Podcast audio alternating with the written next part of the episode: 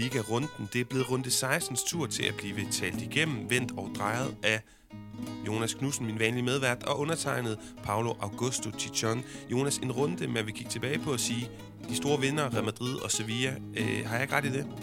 Jo, og især Real Madrid, som bare, øh, synes jeg, den her runde for alvor øh, stadfæster den mistanke, vi har haft på det seneste om, at de bulrer af lige nu. Det gør de meget mere om dem senere, men apropos vinder, så skal vi have kåret en vinder af, øh, vil jeg sige, den fedeste konkurrence, vi har haft hidtil i det her podcast, der snart er et år gammel, har et år på banen. Vi var jo hen og besøg TV2 Sport-drengene, Martin Gottschalk og Jesper Amter, og så havde vi en trøje med til dem, eller ikke til dem, men de hjalp os i sådan en, en gættekonkurrence, en, jeg kaldte den Tampen Brænder, hvor vi skulle blive ved med at lægge clues ud, pistas, hvad hedder det, ledetråde, og så skulle en lytter, eller alle lytter, der havde lyst, prøve at gætte på, hvem er det for... Vi snakker om, hvad er det for en spiller, der gemmer sig bag på den trøje, som vi har fået af vores venner inde for Reshirt. Og det var Gerard Moreno. Det er der 20 mennesker, der har gættet rigtigt på, Jonas. Og jeg har listet dem op i forskellige... Øh, altså skrevet navn og så et tal. Så hvis du nu siger et tal mellem 1 og 20, og du må også godt sige 1, og du må også godt sige 20, så læser jeg op, hvem der har vundet trøjen.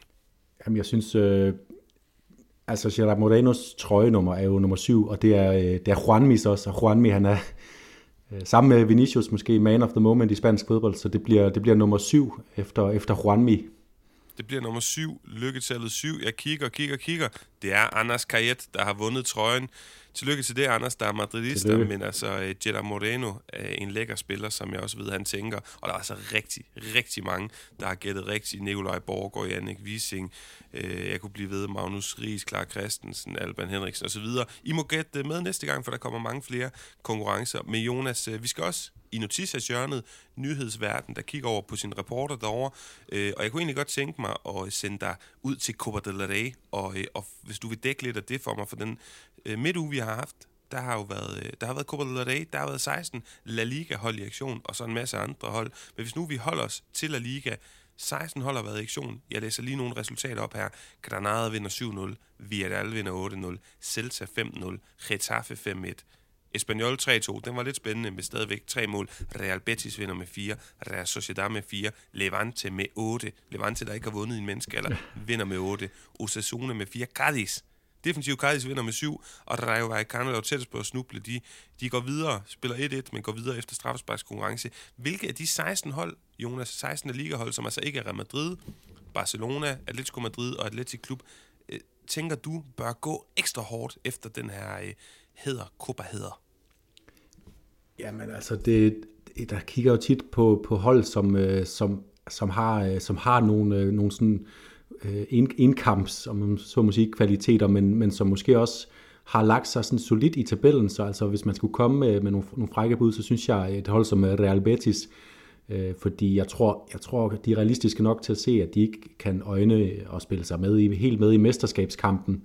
Måske vil de gå efter noget Champions League, men, men det bliver også svært for dem, tror jeg, i sidste ende. Øhm, så, så dem kunne jeg godt se, og de kunne også godt trænge til et, øh, et trofæ, øh, øhm, deres, øh, deres dejlige fans, og så også øh, sådan et hold som øh, Rayo Vallecano, altså hvorfor ikke, de har, de har lagt 15 point ned til, til, til bunden, og kan ligesom, de kan også øh, ligesom puste lidt ud og, og vide, at de er meget tæt på allerede at have, have, have nået deres mål for sæsonen i ligaen. Så hvorfor ikke lægge en masse kræfter i at, at prøve at, at gøre noget helt øh, spektakulært for, for den lille arbejderklub der. Jeg kan godt lide din bud. Altså, Betis, der jo vinder den tilbage i starten af 0, hvis jeg ikke husker helt ja. forkert. Rayo, det vil være lidt mere vildt, men også fantastisk. De gør det jo rigtig, rigtig godt i den her sæson. Så hvorfor ikke Andoni Idaulas uh, tropper? Man kan sige, Betis har jo de her europæiske forpligtelser, som virkelig, virkelig vil betyde, at jeg i for alvor vil uh, let på hatten. Det gør vi i forvejen over den sæson, de har gang i Pellegrinis tropper. Men hvis de både kan gøre det godt i ligaen, Europa og Copa del Rey, jamen så chapeau. Espanyol kunne også være et, et interessant bud, men der er mange om bud. Ja, hvis jeg lige må, må, må, nu nævner du også det med Europa og Betis, og de har øh, øh, mange kampe øh, forud, men, men det er også noget af det, som Pellegrini får ros for øh, helt fortjent lige for tiden, det er, at han er god til at bruge truppen. Øh, Øh, mange forskellige spillere i aktion, og, øh, og, og det kan også være en fordel, når så man kommer til de her Copa del Rey-kampe, hvor man skal til at vurdere, hvem der skal have minutterne, så er det ikke nogen, som kommer helt øh, fuldstændig... Øh, øh, øh, ude af form ind til de her kampe, øh, så er det faktisk spillere, som er, som er vant til at spille kampe, så, så det kan også øh, tale til deres fordel, synes jeg. Og nu har vi snakket øh, uh, Jetta Morenos uh, øh, Villarreal, der vinder, vinder 8-0, selvom de er e- elendigt kørende i den her sæson. Jetta Moreno er tilbage, vi har udlået trøjen. Der er lidt et, et gul ubådstema her. Det kunne altså også være interessant, Jonas. Efter aldrig har vundet en titel før, så vinder de den mod United i, uh, på bagkanten sidste sæson, der er Europa League-finalen. Og så gå ind til den her sæson og levere uh, mildest talt jævnt, men så gå ind og gå efter en Copa del Rey. Det har de jo truppen til. Det kunne også være interessant at begynde at sige, jamen den her klub skal gå efter nogle trofæer en gang imellem.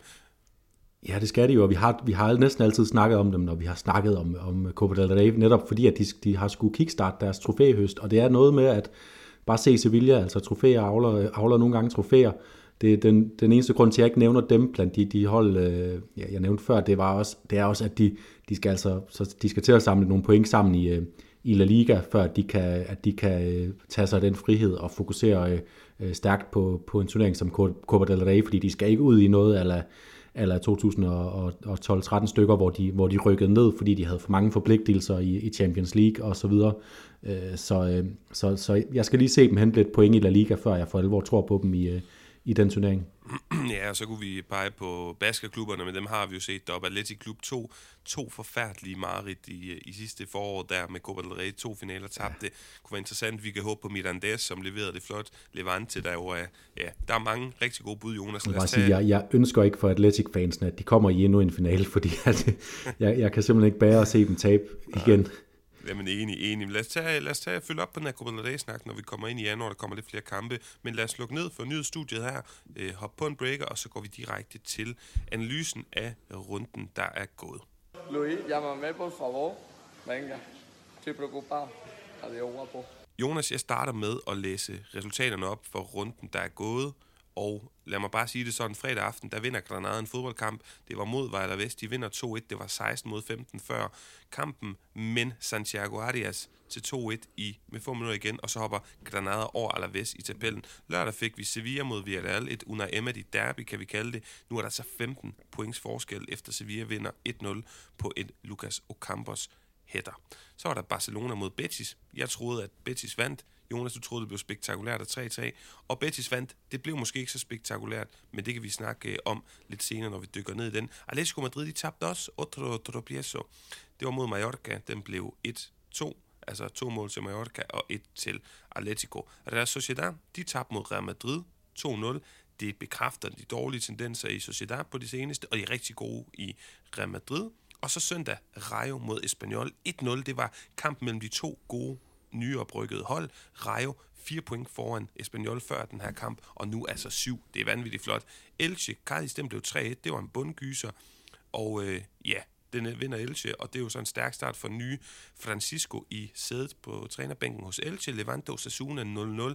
Kedeligt. Levante, det bliver ikke rigtig øh, til noget, selvom at den nye træner, øh, som er midlertidigt, så vidt vi kan forstå, Alessio Lisi, italiener, tror jeg, han bygger videre på det her 8-0 sejr, han fik i Copa del Rey. Til sidst Celta mod Valencia. Celta er på hjemmebane, men de taber 2-1 til Valencia, og den har du sagt til mig i Øresnegl, du gerne vil snakke lidt mere om den kamp, Jonas, og så er altså mandag Getafe mod Atletico Klub, som vi ikke får med. Men jeg synes da bare, vi skal starte på kampen nu, og jeg synes, vi skal starte med at høre fra en lytter, og en Real Betis sæsonkortholder, Pau Wernhøj, en ven af programmet, som også er aktiv på Twitter og ved en masse om spansk fodbold. Og jeg har bedt ham om at sende en lille, øhm, ja, en lille, lille lyd, lydbid om, hvordan det var at være på stadion, hvad han tænker om den her kamp og konsekvenserne dag. Så den hører vi lige først, Jonas. Det kommer her.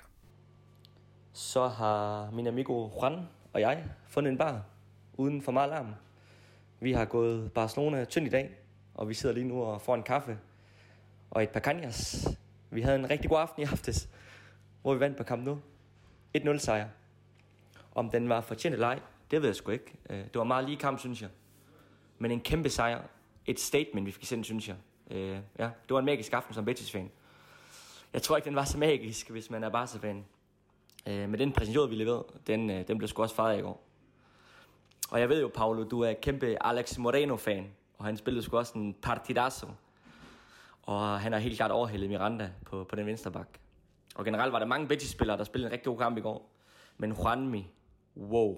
Hvis der havde været landsholdssamling øh, om en uge, så tror jeg, at han skulle blevet udtaget. Det tror jeg. Han er sæsonens åbenbaring. Iskold foran kassen. Og i går var min første kamp på kamp nu. Og så går vi ind og vinder. Det kunne ikke være skrevet bedre. Jeg har været fem gange på Vanda Metropolitano og set Betis. Og der har jeg ikke engang set Betis score et mål endnu. Men i år, der mener vi det for alvor. Øh, Pellegrini, han ved præcis, hvordan han holder alle spillere klar. Han roterer hele truppen, så alle spillere er varme. Øh, bare se Bartra i går. Øh, han har ikke spillet specielt meget, og han var vanvittig god. Og vi mangler endda vores bedste spiller i sæsonen, Nabil Fekir. Han var ikke engang med. Øh, og jeg synes, det er vildt at tage til kamp nu, uden ham og vinde. Det siger meget om den trup, vi har den her sæson, og at vi kan tillade os at drømme stort. Og vi drømmer selvfølgelig om Champions League, øh, og med Pellegrini øh, ved rådet, og den fodbold, vi spiller lige nu her, jamen, så er det overhovedet ikke urealistisk. Øh, og som det fortsætter lige nu, jamen, så bliver det en rigtig stor sæson. Det tror jeg. Yes, det var lige en lille hilsen her fra Barcelona af. Viva la Betis, man pierda.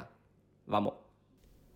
Ja, og det, det er altid skønt at høre fra, fra vores, øh, vores, øh, vores lyttere derude, og det er, det er altså en luksus at have en, øh, en så øh, engageret Betis-fans, der ikke bare er til alle kampene i, i Sevilla, men også, øh, også rejser, rejser med ud. Jeg ved også, at han har været en tur i Milano, da, da Betis var, var hen og spille mod, mod AC Milan der øh, for et par år siden.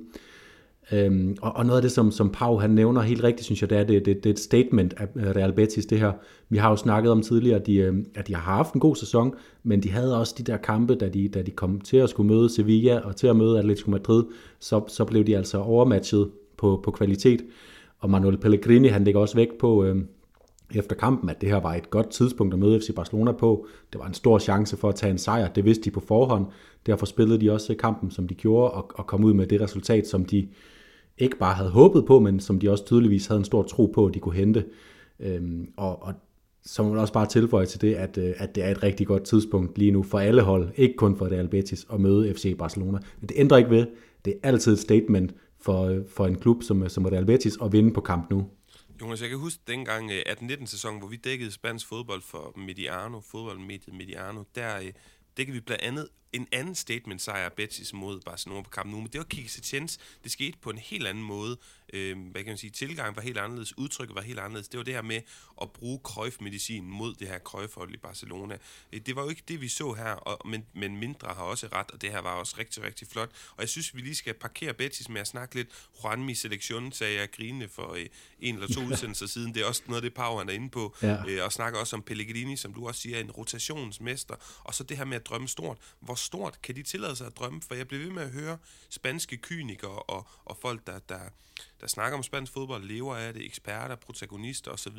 i ind- og udland, der siger, jamen de ved jo godt, hvem de fire oppe i toppen bliver. Det er Real Madrid, det er Barcelona, det er Atletico Madrid, og det er Sevilla. Og hvis ikke Barcelona kommer derop, ja, det tror de alligevel, de ender med at gøre. Men skal Betis ikke drømme om den her, ligesom Real Sociedad og nogle af de andre formstærke hold? Skal de ikke sige, jamen selvfølgelig kan vi tage den fjerde plads? Jo, det, det skal de, klart, og de, øh, og de ligger øh, på tredjepladsen lige nu, så, så selvfølgelig skal de det. Øh, det er bare... Øh, jeg synes, der er, en, der er en lang vej igen for dem også, fordi jeg synes, at vi, vi så de her svagheds, øh, svaghedstegn mod, mod de store klubber, som ikke i samme grad er i, i, øh, i en krisesituation som, som FC Barcelona. Men de har spillere, der træder i karakter. Øh, altså, hvis Nabil Fekir øh, bliver ved med at spille, øh, spille så godt, hvis, øh, hvis øh, Canales kan spille fast resten af sæsonen, så selvfølgelig kan de tage den fjerdeplads, som de også gjorde det i, øh, jeg tror det var 2005, hvor de også kom ud i, et, øh, i Champions League-eventyr efterfølgende, dengang med, med Joaquin på holdet, hvor jeg var nede og se Real Betis på, på Camp Nou til et joaquin hattrick og en 3-3-kamp der. Så der, der efterhånden vil være nogle mindeværdige kampe mellem de to her på Camp Nou. Selvfølgelig skal det det, men som jeg også sagde i indledningen, så, så, så vil jeg gerne se dem prøve at gå efter Copa del Rey. De har Europa League... Uh, øh, kampe forud også her i, øh, i foråret, så jeg tror, der bliver nok at se til for Betis. Så, så mit bud er umiddelbart, at de ikke tager den Champions League-plads, men selvfølgelig skal de, skal de gå efter den, for det vil også være et, endnu et statement fra dem at, at komme med i Champions League igen. Ja, det harmonerer med nogle ting, vi har set de senere sæsoner. Statement signings af William Carvalho, Nabil Fekir, Sergio Canales, der er vokset i rollen. Det er det er nogle spillere, man ikke kan holde på som Real Betis, hvis det var, lad os sige, 10 år siden. Men det kan man nu. De har store ambitioner, store armbevægelser. Det her offentlighedsbrydende mandskab, og jeg kan rigtig godt lide, øh, hvad jeg ser for dem for tiden. Kan vi lige, hvad vi ser for Barcelona? Det er jo så en helt anden snak, Jonas hvad har Talk of the Town været øh, efter den her, øh, det her opgør? Jeg synes, det er meget klart. El Barça no tiene gol. Der er simpelthen ikke mål på det her hold. Øh, Xavi, han lader Piqué, Eric Garcia, Frenkie de Jong og Dembélé starte på bænken. Og i starten der tænkte jeg, hvorfor gør han det? Jo, det gør han jo nok, fordi han vil spare dem til Bayern-kampen, skæbnesvanger i midtugen. Men La Liga har været så sød at programsætte alle de her kampe lørdag. Der burde være tid nok. Du skal ud og blive ved med at vinde i ligaen. Det er det vigtigste for dig, min ven Xavi Hernandez og han vælger at lade dem, flere af dem starte ud. Det er så kommet frem, at der var nogen, der havde molestias, der var nogen, der havde småskavanker hister her. Men han vælger altså at stille med, jeg vil ikke sige et B-hold, men nogle spillere hister, hvor man tænker, er det virkelig dem, der skal starte ind, blandt andet Philip Coutinho? Hvad tænkte du, da du så den her startopstilling, Jonas? Ja, men øh, jeg, jeg tænkte, at, øh, det, er, at det, er ikke, det er ikke tidspunktet at, at spare spillere i La Liga. Altså, Barcelona har så stort et efterslæb, og øh, Xavi har brug for, for gode kampe. Altså, vi må bare også indrømme, at at jeg synes også, øh, øh, udover, og udover hans øh, valg af startopstilling, så har, har det også været talk of town, at efter den første kamp under Xavi, så var der lidt, og jeg forstod aldrig rigtigt hvorfor, så var der lidt sådan en, øh, der var sådan en øh, optimisme-hat-bølge, at, at alle synes, at det var fantastisk, og nu spillede FC Barcelona godt. Det gjorde de ikke. Øh, de spillede ligesom øh, de havde gjort lang tid under Koeman, og under Koeman var der gode halvleg, der var gode kampe, hvor FC Barcelona spillede noget genkendeligt fodbold, men det her nederlag til Real Betis, måden det skete på, det var, det var undervejs, også under Xavi, så det var ikke på den måde overraskende, synes jeg, at, at man kunne udmanøvre øh, FC Barcelona, og at man kunne gøre det ved at holde clean sheet, det første clean sheet for Betis på Camp Nou siden øh, 2002, så vidt jeg lige øh, har, har kunne læse mig frem til. Øhm, jeg synes, det var, det var et helt forkert tidspunkt at begynde at spare spillere, og så er det selvfølgelig meget belejligt for Xavi, at der kommer forlydende bagefter kampen om, at de havde molestias, som du siger. Ja, ja, det er rigtigt. Det er, det er lidt suspekt. Men Jonas, øh, lad, lad det være sagt med det samme. Jeg ved ikke lige så meget taktisk om fodbold som Xavi, og jeg vil aldrig nogensinde påstå det over for ham, fordi han kan være ret så rabial i sin, øh, i sin udmeldinger og sin, sin måde at snakke til folk på. Blandt andet, det fik et par journalister til pressekonferencen efter kampen også at mærke. Men jeg kan godt sidde og tænke og undre mig lidt. Det er et hold, som har flere forsvarsspillere, han kan vælge mellem midtbanen er også øh, rigtig godt pakket, og der er også mange muligheder offensiven, det er der, det handler om. Vi forstår det, for der er skader til Aguero, til Brathwaite, til Ansu Fati blandt andet. Men hvorfor så ikke for eksempel lave en Barca og, og altså sådan øh, lojal over for Barca ting de seneste år, spille med falsk nier. Jeg, jeg vil gerne se en Frenkie de Jong i de her løb og den her bevægelighed, fodboldintelligens, eller en Gavi på en falsk nier. Øh, jeg synes Memphis, du begrænser rigtig meget at det han kan, og hvad er det han kan? Ja, det er ham, der har nemmest ved at score mål og, og afgøre fodboldkampe af de folk, Xavi har til rådighed lige nu. Det samme gælder en Philip Coutinho. Hvordan kan du ikke... Jeg ved godt, han er elendig lige nu, og jeg synes, det er synd for alle mennesker, der skal på nogen måde øh, sætte sin lid til, at han kan skabe sportsresultater for dem. Men kan man ikke gøre et eller andet for at rykke ham? Altså så sige, okay, ved du hvad, vi spiller et system, hvor du bliver tiger, som vel er det, du allerhelst vil, så du kan trække over til dit højre ben og skyde. Et eller andet. Jeg synes ikke, han de brækker, han har offensivt, dem synes jeg ikke, at jeg fornemmer, at han prøver at pusle med. Det er meget en 17-18-årig, der skal ud på kanten, og så håbe, at han lige pludselig ligner Angri eller, eller Messi eller et eller andet. Ja, og, og jeg tror simpelthen, det er fordi, at Xavi har, øh, ud, ud af de to øh, Cruyffs-Guardiola-modeller, der er, hvor den ene, som du nævner der med, med falsk nier, øh, er, det, det, det er den med, med mange midtbanespillere fyldt op med, med, øh, med små tekniske spillere. Den anden, det er de her brede kanter, og det er helt tydeligt, at Xavi har lagt en linje, at det er de brede kanter, han gerne vil se. Øhm, der forstår jeg så ikke, at, at Usman Dembélé ikke, øh, ikke kommer ind fra start, for jeg synes faktisk også, at øh, de ting, Barcelona viser, de chancer, Barcelona har, det er Dembélé, der skaber dem, og ofte i, i en mod en situationer, hvor han, hvor jeg synes, lige siden han kom tilbage fra skade her for nylig, så har han, set, så har han faktisk set ret elektrisk ud, synes jeg. Det er ikke rigtig kommet det store resultat ud af det, men han er noget, man har at skyde med. Så ind med ham fra start selvfølgelig. Omkring Depay, altså jeg synes, det er svært at, at argumentere imod, at, at man skal prøve at have ham ind, fordi at hvis man vil have en falsk nier, er det så ikke også godt at have en falsk nier, som faktisk øh, har mål i sig, og, øh, og det har Depay, og han kan han, har, han kan bruges som opspilstation, ind inde i feltet. Det så vi, da Ansu Fati lige kort var tilbage. Der var en to-tre rigtig gode muligheder, der også førte til mål, nogle af dem, hvor at, øh, det Depay ligger den af til, til Fati, ligesom vi så Jovic gøre til, til Vinicius i, øh, i San Sebastian øh, lørdag aften. Øhm, så det er, det er virkelig svært, og det leder mig også lidt frem til den her diskussion, fordi Xavi går ind og gør nogle ting. Han bruger måske ikke de midler, han har, men han prøver at føre sin, sin overordnede strategi ned over det. At vi snakkede om, at det her det rigtige tidspunkt for Xavi at overtage. burde, øh, burde man ikke bare have ladet Sergi Barjuan øh, øh, føre den her, det her hold til enden af sæsonen, og så kunne Xavi overtage. Man kunne rydde lidt ud i truppen. Øh, måske ikke lave de store indkøb på grund af økonomien, men stadigvæk rydde lidt ud i truppen, så man kunne fokusere på den strategi, Xavi gerne vil implementere. Og, og der synes jeg, at jeg bliver mere overbevist om, at jeg havde ret, da jeg, da jeg talte for, at, at man burde have ventet med at, at føre Xavi ind i den her rolle. Hvad siger du, Paolo?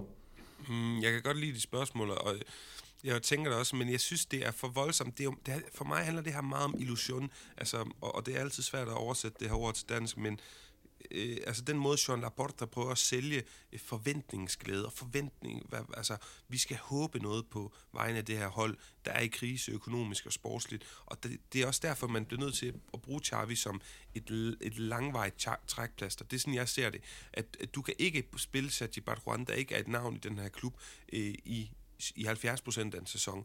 Det, det vil simpelthen være at få alle Barcelona-fansene til at give op, smide håndklædet i ring, og det kan man ikke i en så stor periode. Du kan gøre det 14 dage, eller en måned, eller et eller andet.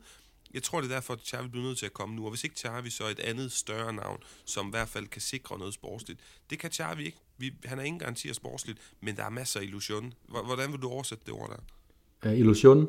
Ja. Uh, forhåbning og for, forventningsglæde. Mm. Altså, der, der er en... Uh, der der er nu, at når man sætter sådan noget ser FC Barcelona, så har man øh, en, en forhåbning, som man har en, en lidt større knage at hænge op øh, på end tidligere, at, at der faktisk sker noget, noget positivt. Ja, lige præcis. Og, og det, det er egentlig, tror jeg, noget vi bliver nødt til at, ja, at acceptere, at, at du kan ikke gå for lang tid i en så stor klub som Barcelona uden illusion. Det er Xavi i gang med at skabe. Det går ikke frygtelig godt lige nu, men jeg synes også, vi skal acceptere, at han ikke har Øh, og, det, og det er ikke sådan generelt, for jeg synes stadigvæk, at truppen er okay, når alle er klar, men det er lige i den her periode, hvor det ser så sløjt ud offensivt. Og, og helt ærligt, Jonas, jeg mener det, når jeg siger det, en frisk Martin Brathwaite på det her hold, tror jeg virkelig vil gøre underværker. Det tror det, jeg. Det vil det.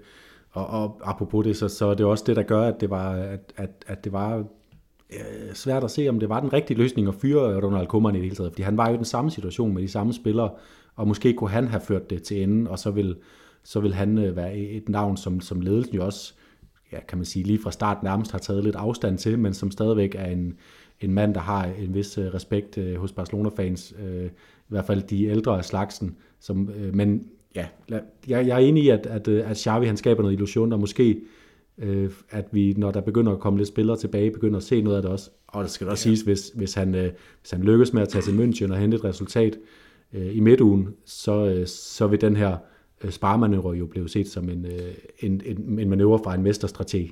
Og Jonas, vi skal bare huske, fire kampe er ikke særlig lang tid.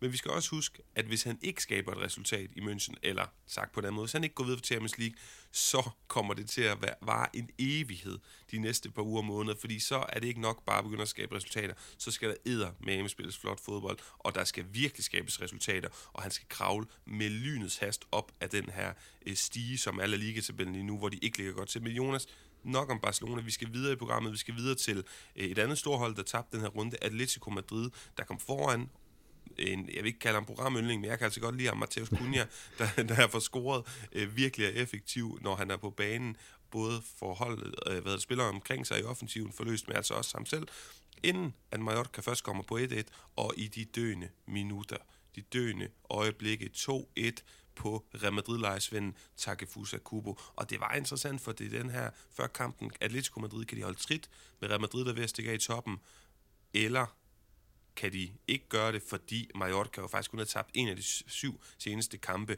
og havde været uheldige på det seneste. De har synes jeg, både bevis med den her kamp, men også generelt, hvis du sådan kigger der sidste resultat lidt efter i sømne med et par øh, sene scoringer imod dem og sådan noget, at det er et hold, som man glemmer lidt blandt de her tre oprykker, fordi Espanyol og Rayo gør det så godt, men de er et rigtig flot oprykkerhold. Vi kender dem jo selvfølgelig fra 1920-sæsonen, så er de nede og vende, men på mange måder et hold, som har gør, gjort en rigtig god figur, siden de kom op i sommer. Ja, jeg, jeg har faktisk haft et godt øje til Mallorca længe også. Øh, den, den kamp, de spiller på Real Madrid, hvor de ender med at få lidt af en, uh, lidt af en røvfuld, uh, så vidt jeg lige husker på resultattavlen, men, men jeg synes 6-1, ja, noget af en røvfuld, kan man godt sige så. Uh, men jeg synes faktisk, de uh, indtil at uh, deres uh, forsvarsdebutant dernede, Joan Sastre, han, uh, nej, Joan, uh, Josep Gaia, uh, han, øh, han kled øh, i bolden, øh, så synes jeg faktisk, de, de havde et sjovt udtryk og spillede, spillede op mod Real Madrid. Og de har bare, altså, øh, Taki, Taki er kommet i gang med, med et flot mål nu her. Kang En Lee, han spiller øh, forrygende. øh, og bød sig også godt til på Wanda Metropolitano i den her kamp. Jeg synes virkelig, øh, at de har nogle, nogle gode tegninger, og det, øh, og det har bare været, været fedt, skal vi så sige, overordnet at se de her oprykker øh, komme op i, øh, i, øh, op i La Liga den her sæson. Øh, men at de går, går hen og laver den her på Atletico Madrid, det er godt nok øh, noget chokeret over. I den situation, vi befinder os i, Atletico de har, øh, de har 29 point nu, efter de har tabt den her kamp. Hvis de havde vundet over Mallorca, som de var på vej til efter øh, min programyngling, øh, Angel Correa lagde op til din programyndling, Mateus Cunha, øhm, så havde de jo været syv point efter Real Madrid med en kamp i baghånden, skal møde dem næste weekend, bum, så kunne de være nede på fire point og en kamp i baghånd, det vil sige reelt set være et point efter Real Madrid i tabellen. Nu ser det jo helt håbløst ud at hente Real Madrid lige pludselig i den øh, aktuelle situation. Så virkelig, øh, virkelig, virkelig, virkelig skuffende resultat for, for Atletico.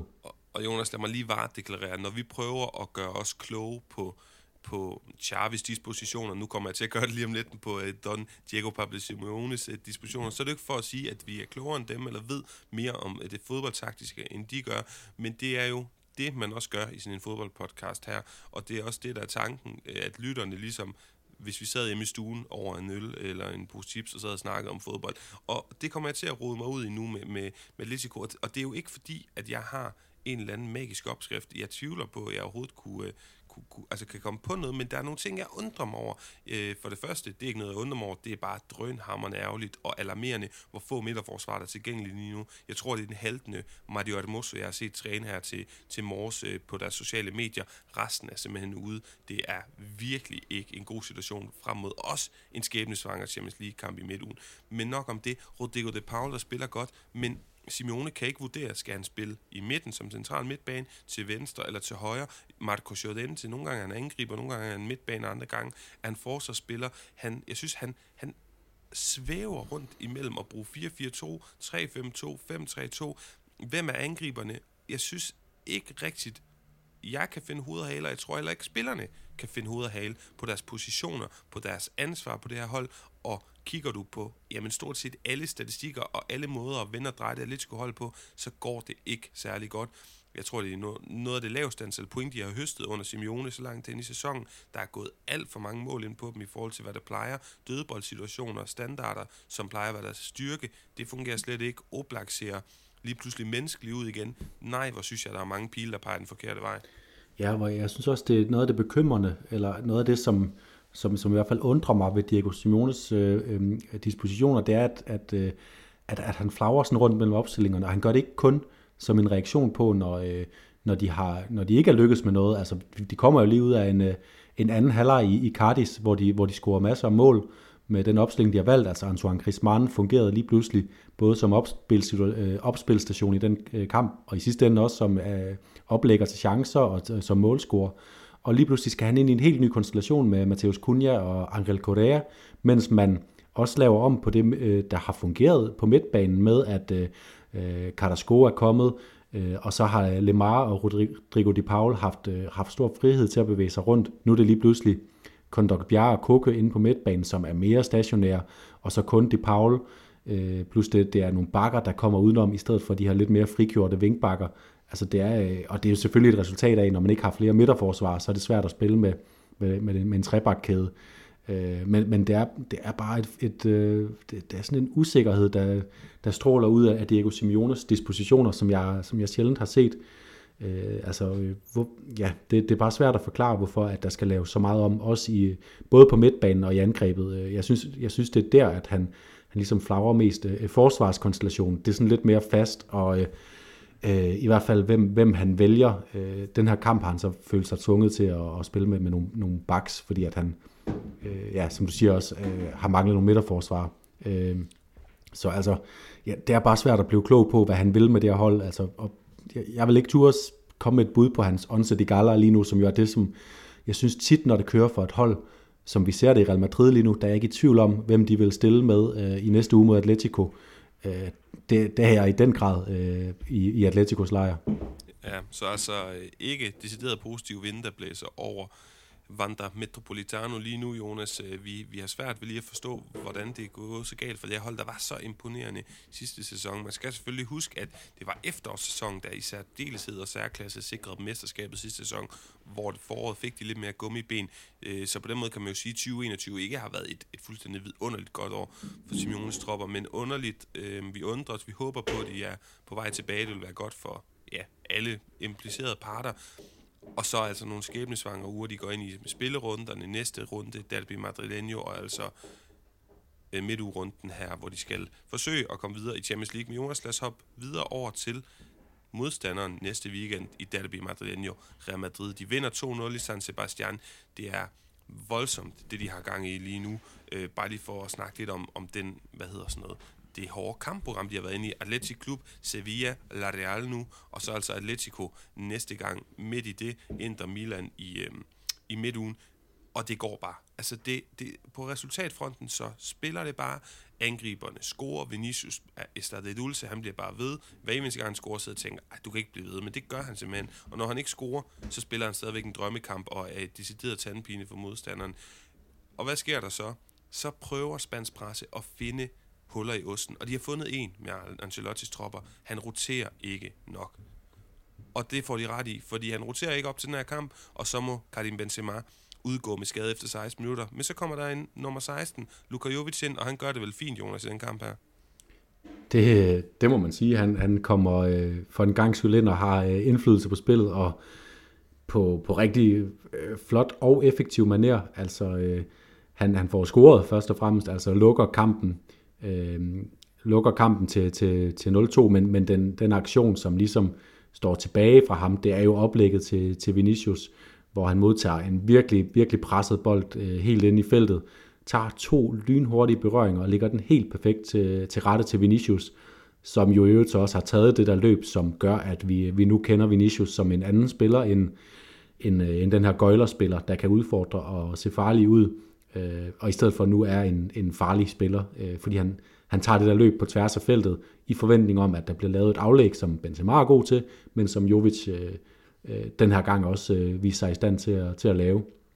Øh, og så synes jeg, man skal lægge mærke til, hvad er det for en kamp, Jovic så kommer ind og præsterer. Han har været længe undervejs. Han kommer som en stærk målscorer fra, Frank, fra Frankfurt for, er det halvandet år siden. Øh, og han har bare altid set, han har set øh, presset ud, som vi nogle gange ser de her spillere, der kommer til Real Madrid og Barcelona, så er de bare presset omstændighederne. Nu kommer han ind i en periode, hvor det kører for Real Madrid. Han kommer ind, fordi Benzema er skadet. Han kommer ikke ind, fordi at, at han skal, skal løfte Benzemas øh, ansvar, mens han sidder ude og, og kigger på bænken og er klar til at træde til, hvis det ikke går. Så på den måde er der, jeg tror jeg, der var et eller andet å, der var løftet lidt fra hans skulder. Der var lidt mindre pres på, og så, øh, og så, og så spillede han bare øh, lidt mere frit og, og gjorde virkelig øh, sin indflydelse gældende. Det er sjovt, du siger halvandet år. Det, det er måske meget sigende. Det er to og et halvt år siden, sommeren 19, hvor Madrid øh, køber en masse fodboldspillere for en frygtelig masse penge, og så ender de Militao og Mendy med at gøre det meget godt, men for eksempel Hazard og, ja, og Jovic jo ikke gør det godt. Jovic, som jeg har siddet flere gange på Bernabeu til nogle kampe i 1920-sæsonen, hvor, hvor, hvor det har været spændende kampe, og så er han kommet ind med nogle fuldstændig altså, vanvittigt svære arbejdsbetingelser, og så har han ud af ingenting ramt stolpen, eller ud af ingenting fremprovokeret et eller andet. Og jeg synes hele tiden, at man har kunne se, at det er ikke håbløst der, men han har simpelthen ikke fået spilletid nok, og går fra at være en mand, som du siger, der bomber mål i Frankfurt, fordi han, han hele tiden bliver spillet til at komme ind på et hold, hvor han for det første aldrig spiller, og for det andet, da han var god i Frankfurt, var det med en angrebsmarker, en stor stationær angriber. Her skal han spille i et nyt koncept, nyt land, ny by. Vi kender den der, øh, og, og det har simpelthen været alt for svært for ham. Og jeg siger ikke, at havde han bare spillet fra start, så var han blevet en øh, Holland-type angriber, men det har heller ikke været nemt for ham at skulle præstere. Nu er han tilbage, jeg tror stadigvæk, det er på lån tid, Jonas, men han kommer til at spille den næste kamp, og hvis Benzema-skaden trækker lidt ud, så er det jo ham, de skal kigge efter. Lad os, lad os lægge Jovic ned, fordi det er sådan en lille smule reaktionært at kun kigge på ham. Jeg synes ikke, det er ham, der på nogen måde definerer Real Madrid i de her Overhovedet ikke. Nej, overhovedet ikke, og, og jeg bliver nødt til, nu, nu har jeg nævnt Vinicius, øh, ham, øh, ham kan vi også snakke meget om i, i den her kamp, men øh, bliver nødt til at snakke om, øh, om, hvad skal vi kalde ham, La Ligas nye blokadekonge, altså øh, Eder Militao. Jeg har aldrig set en spiller, der på, og det er jo ikke, det er jo ikke kun i den her kamp, det er i, i de sidste, du nævner, der er svære kampprogram, det er mod Sevilla, det er mod øh, øh, Real Sociedad øh, i den her uge, og det, altså, det, det er mod Atletic, Atletic Klub i midtugen, hvor han bare har fuldstændig afgørende nøgleaktioner inde i feltet. Jeg kan lige se på, på statistikken fra kampen fra øh, San Sebastian, at mens Real Madrid de havde 8 skud på mål, så havde Real Sociedad 0. Øh, og en af forklaringerne, det er altså, at de havde fem blokerede skud. Og det er nærmest Militao, der står bag dem alle sammen. Han kommer bare på alt, og det det er, det er lidt øh, sjovt, fordi jeg synes også, det, det, det er på en eller anden måde grund til bekymring for Real Madrid. Hvis, hvis Militao bliver skadet, så kan de ikke forsvare på den her måde. Øh, fordi det er mange en mod en situationer, det er mange svære situationer for deres midtstopper. Øh, David Alaba, han trives tydeligvis ikke så meget med det, men Militao, hold op, hvor spiller han øh, godt lige for siden. Det er simpelthen ja, det, det, ligesom det er sådan en af de perioder, hvor det bare er vidunderligt at se en forsvarsspiller i aktion. Ja, ja ligesom sin, sin, sin landskammerat eh, Casemiro og gode ven i omklædningsrummet, de, de kan godt lide, cuando el partido se pone feo, altså når det bliver en kompliceret kamp, og det bliver skydet selv nede i eget felt, det er faktisk der, de trives allerbedst, de her typer øh, spillere. Jeg er helt enig, og, og godt, at du får fremhævet ham, Jonas. Øh, og, og det er jo det, der er interessant i den her dynamik, i den her midt, midterforsvarsstue, Real Madrids nye. En ting er, at det siger alt, at vi ikke snakker om Ramos og Varane længere. De gør det rigtig, rigtig godt, de to her. Det er en ny konstellation, men jo også interessant at se, at de har mange af de samme forser, synes jeg alligevel. De er hurtige, Alaba Militao, de er hovedstødstærke, fysiske, og så de duelstærke. Så ved jeg godt, at jeg er enig med dig i, at Militao trives mere i den her type kamp, end David Alaba, der godt kan lide det lidt mere fine og kontrolleret. Og så vil jeg fremhæve en ting med Militao, som meget på samme måde som Jovic bliver købt i sommeren 19, og bliver slet ikke brugt i starten, og når han bliver brugt, så er han slet ikke a la altura, det, hvad, hvad, hvad hedder? Han, han, er ikke, han er ikke klar til at træde ind og, og have det ansvar, der er på den her klub. Han skælvede i starten, han rystede, han var ikke god i de første mange kampe, og lige pludselig, der rammer sig Varane i sidste forår og ude med skader, så blomstrer han, spiller han fantastisk.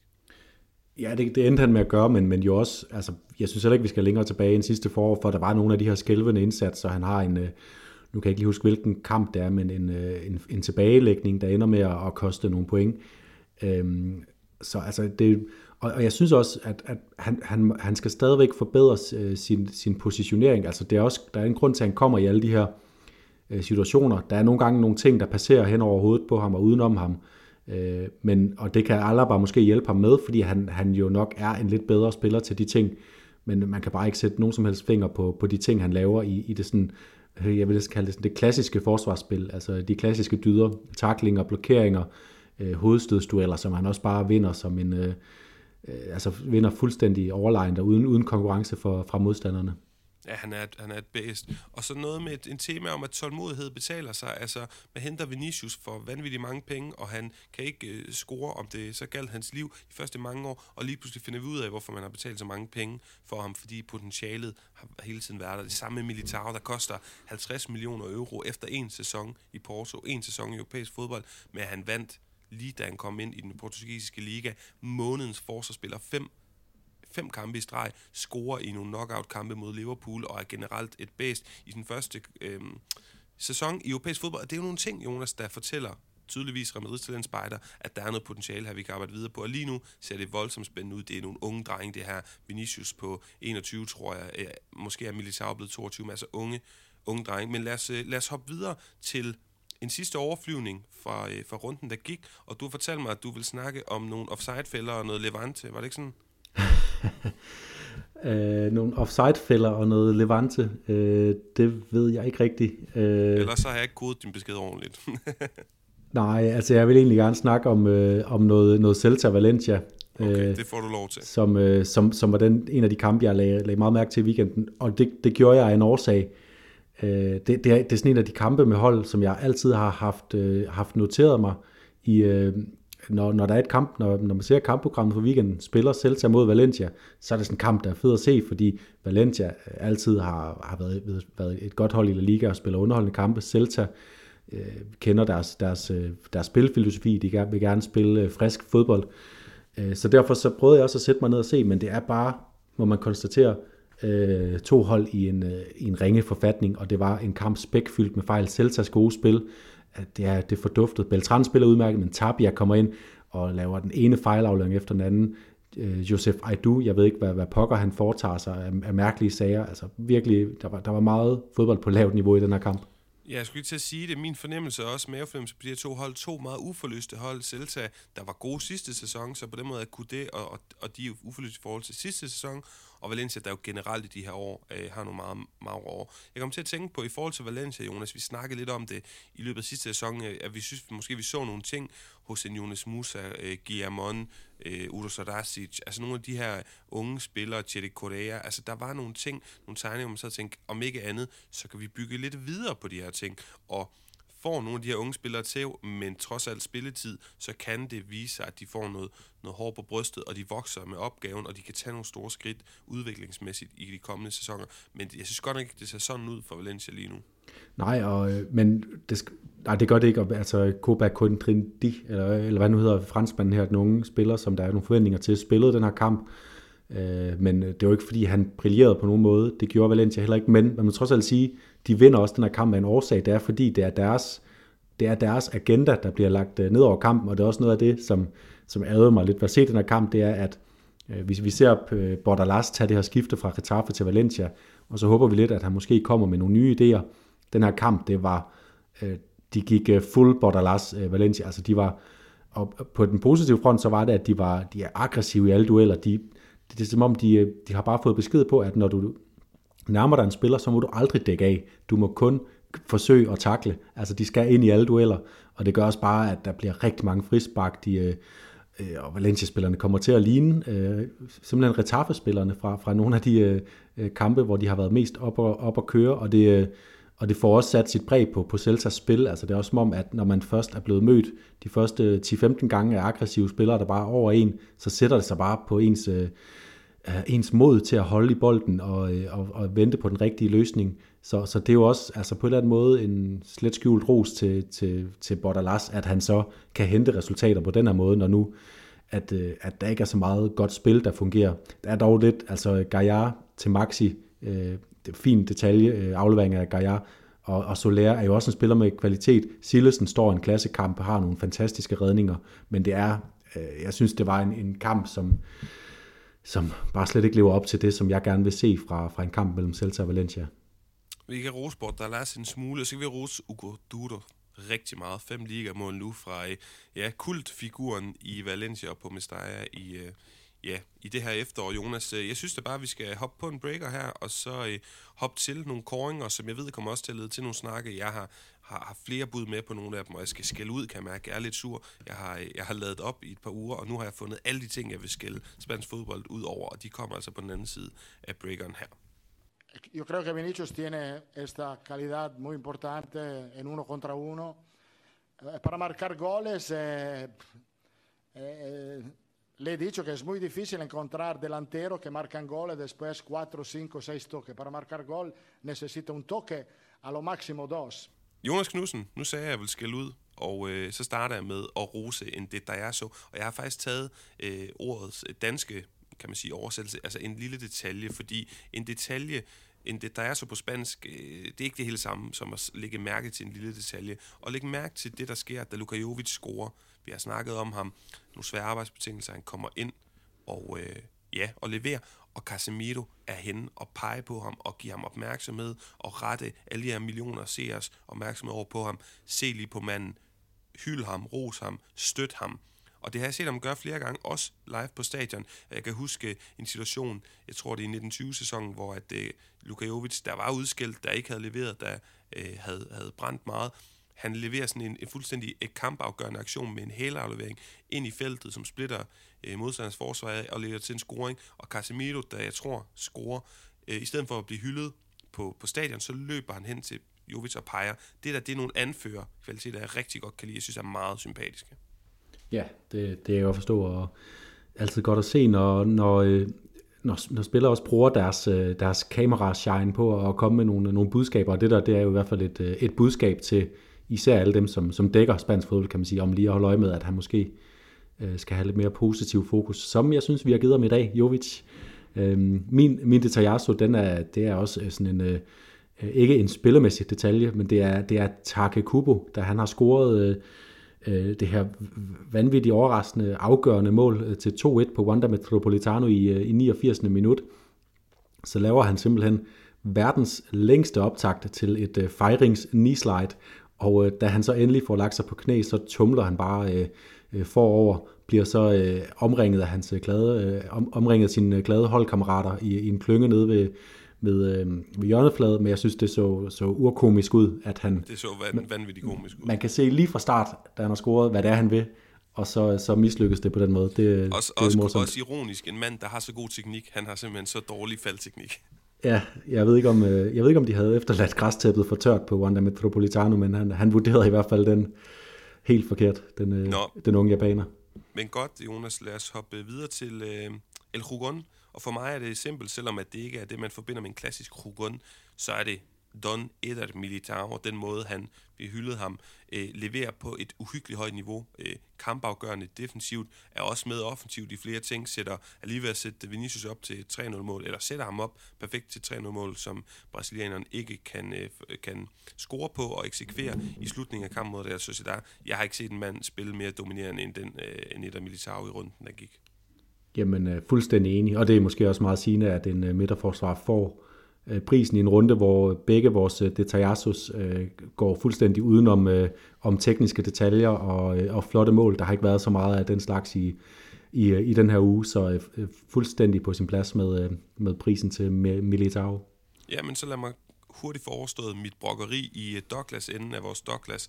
Daniel Alves øh, skala, for det første, Levante der jo ikke vinder i den her runde, tangerer La Liga-rekorden, historisk La Liga-rekord, som Sporting Gijon havde fra 97-98, fordi de ikke har vundet i en menneskealder. Næste gang, der har de Espanyol, det tror jeg heller ikke, de vinder, og så er de det hold officielt i spansk fodboldhistorie, der er gået længst tid uden og øh, ja, uden, uden at vinde en fodboldkamp, øh, i hvert fald i La Liga. Så har jeg en øh, Douglas, en, en, en, jeg vil godt lige brokke mig over Pedri, der blev med at blive skadet. Det er ikke hans skyld, men det er jo fordi, man simpelthen bare trak alt for store veksler på ham i sidste sæson. Vi sad alle sammen og spillede kloge, da det skete.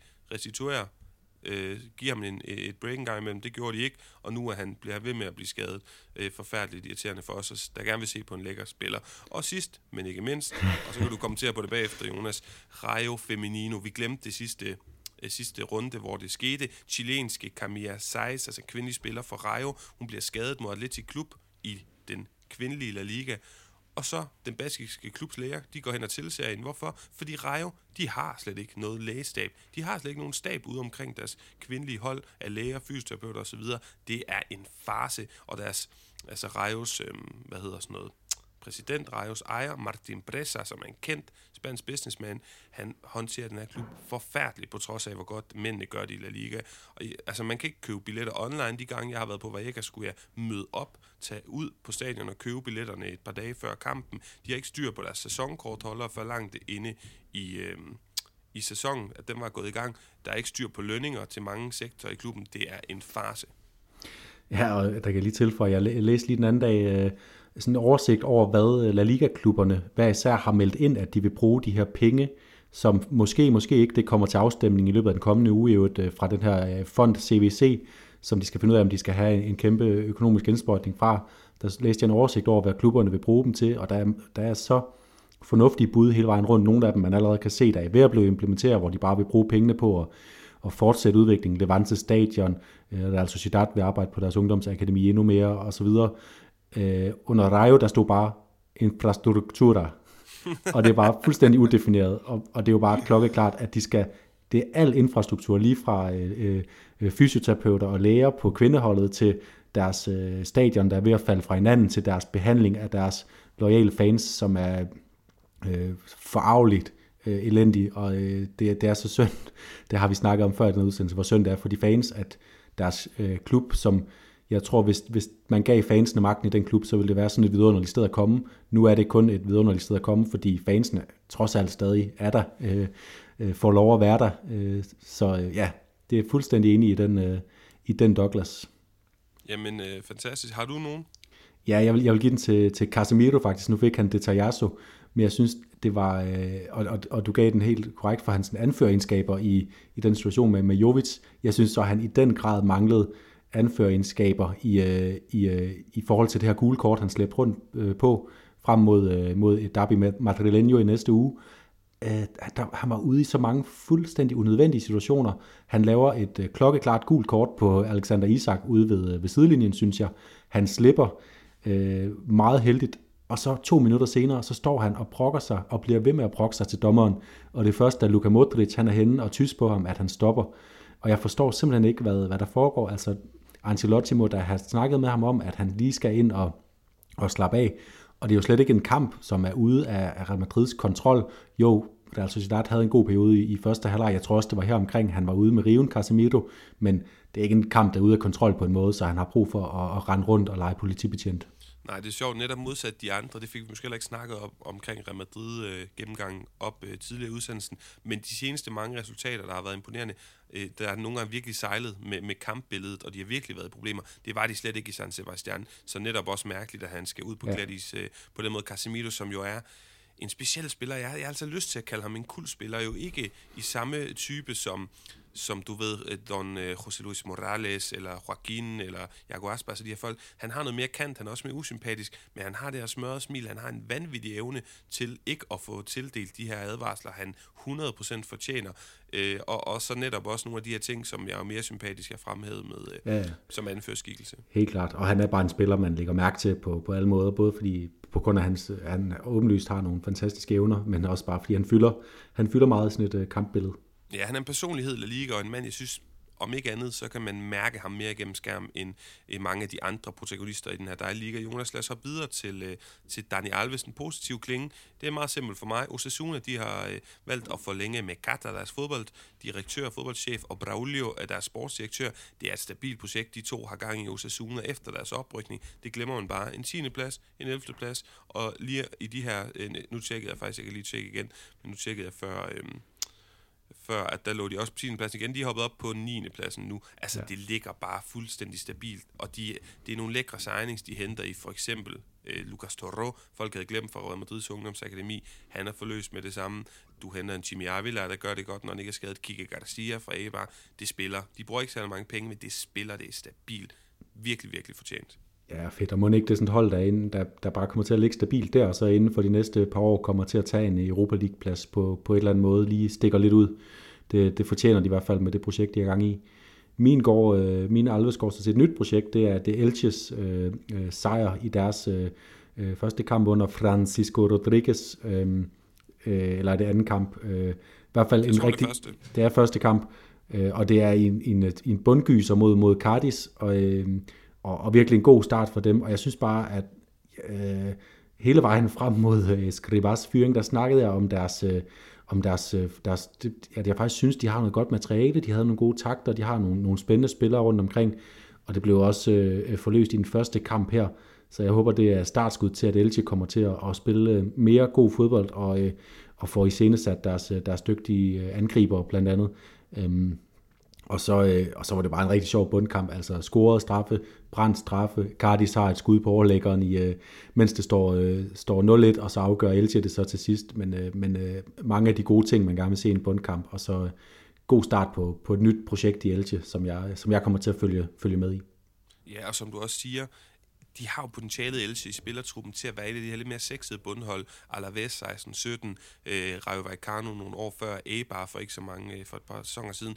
Det kan vi krydse fingre for. Jonas, øh, lad os hoppe til en forudsigelse, og øh, jeg vil bare gå lige på hårdt. Der er El Derby Madrileño i kommende weekend, og jeg tror, at Griezmann han afgør den her kamp, og Atletico vinder den. Uh, det er et frækt bud. Jeg er, jeg er gået til subtop-kampen øh, mellem øh, Real Betis og Real Sociedad. Det synes jeg er en spændende kamp at tage fat i, fordi at det, det er to hold, hvor pilene peger lidt forskellige øh, veje, og så kan øh, sådan kampbilledet også komme til at gøre det, men jeg synes, at Real Sociedad, de er altså virkelig nede i en bølgedal. Øh, de kunne ikke udfordre Real Madrid. De har ikke fået gang i Mikel Oyarzabal, efter han er kommet tilbage fra en skade.